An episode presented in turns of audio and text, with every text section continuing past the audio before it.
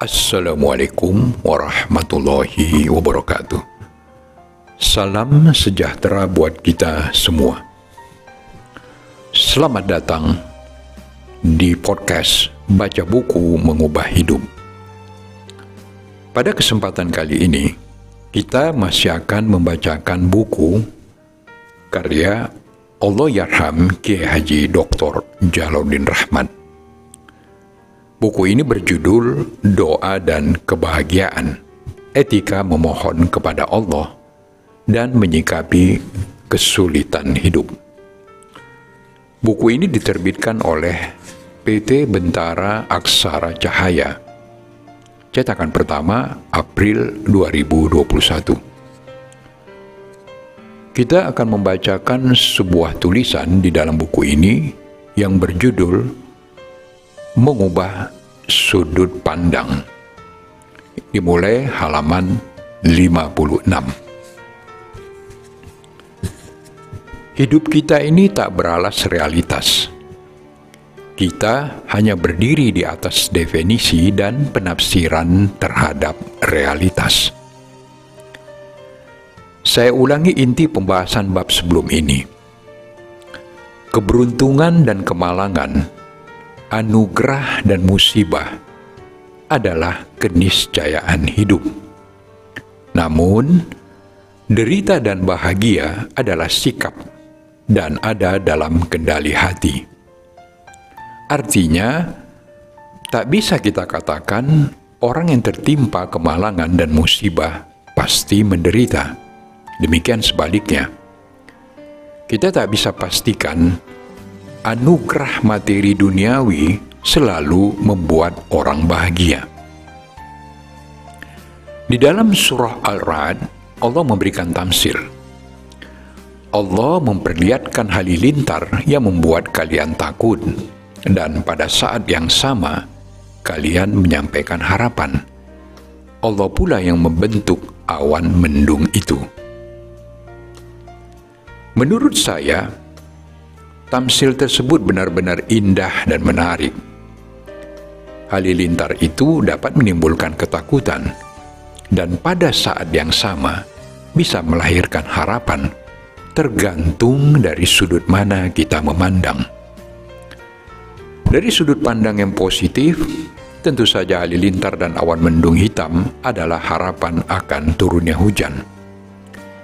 Betapapun halilintar itu begitu terang di mata, dan demikian terngiang di telinga, betapapun awan mendung hitam itu begitu kelam, kesan menakutkan akan segera sirna, bila yang kita lihat adalah turunnya air, sumber kehidupan. Realitasnya tunggal, halilintar. Namun, penafsiran atas realitas itu tak tunggal. Ketakutan atau harapan tergantung sudut pandang. Dengan memahami demikian, kita tidak akan mempersoalkan musibah lalu menyalahkan Tuhan.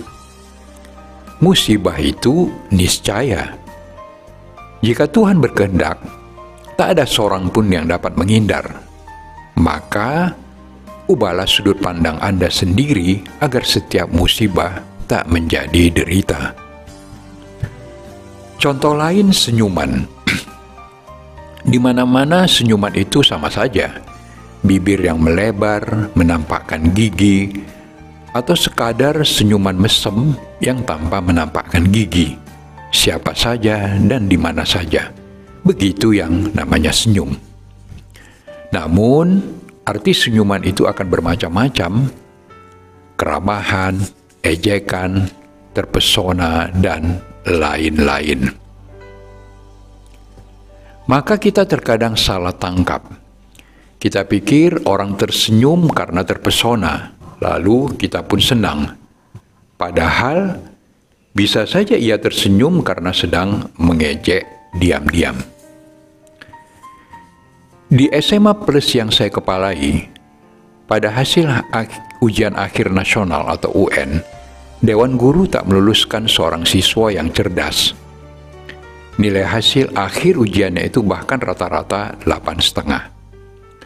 Kami tak meluluskan sebab anak itu mengabaikan ujian lokal sekolah.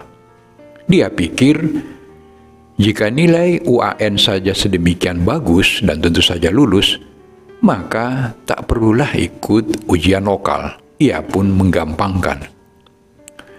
Namun, sekolah kami tak hanya melihat sisi akademis, perilaku para siswa juga kami perhatikan.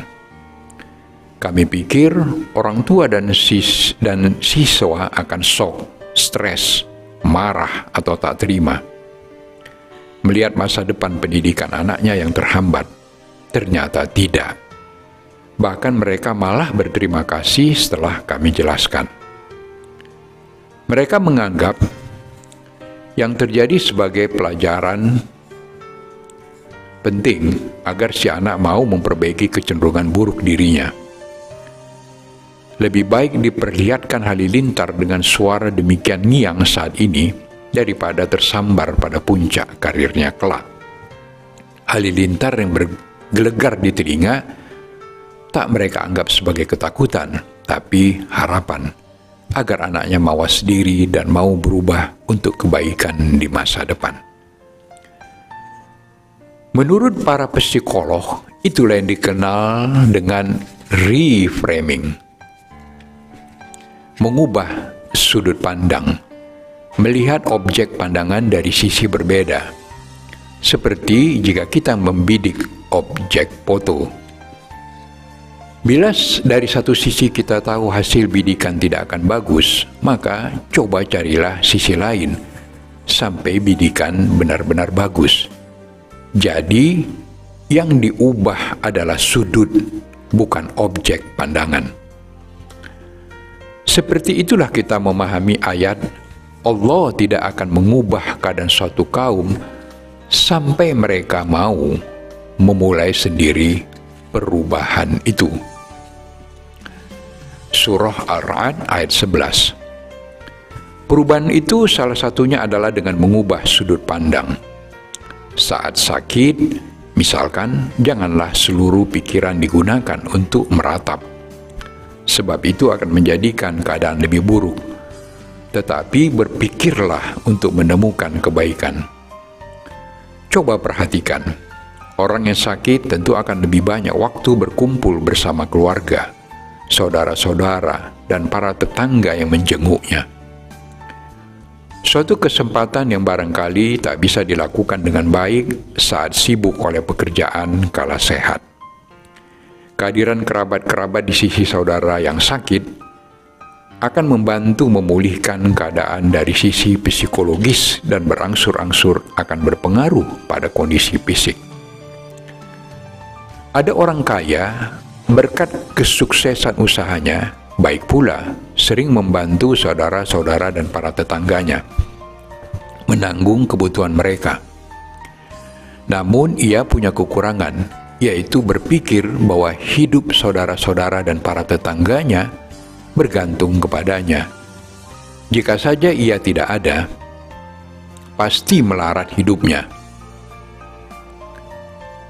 pasti melarat hidup mereka. Siapa lagi yang akan menanggung beban ekonomi mereka? Ia selalu merasa demikian. Suatu ketika, orang itu menunaikan ibadah haji bersama keluarganya. Di Mekah, ia jatuh sakit agak parah. Bahkan sampai sekembalinya ke tanah air. Di sini pun ia cukup lama menanggung sakitnya. Dengan kasih sayang, keluarga merawatnya.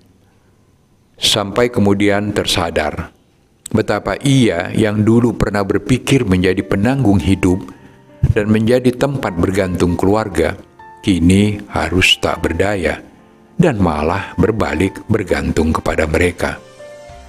Ia menyadari betapa mereka sayang kepadanya. Selama ini matanya samar karena tertutup keangkuhan. Kondisi sakitnya itulah yang mengubah cara pandang terhadap keluarganya. Ia tak lagi meletakkan keluarganya dalam bingkai materi. Begitulah, untuk menunjukkan kekurangan diri, terkadang seseorang perlu diberi guncangan-guncangan dan gelegar-gelegar halilintar.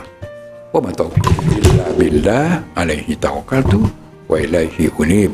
Wassalamualaikum warahmatullahi taala wabarakatuh.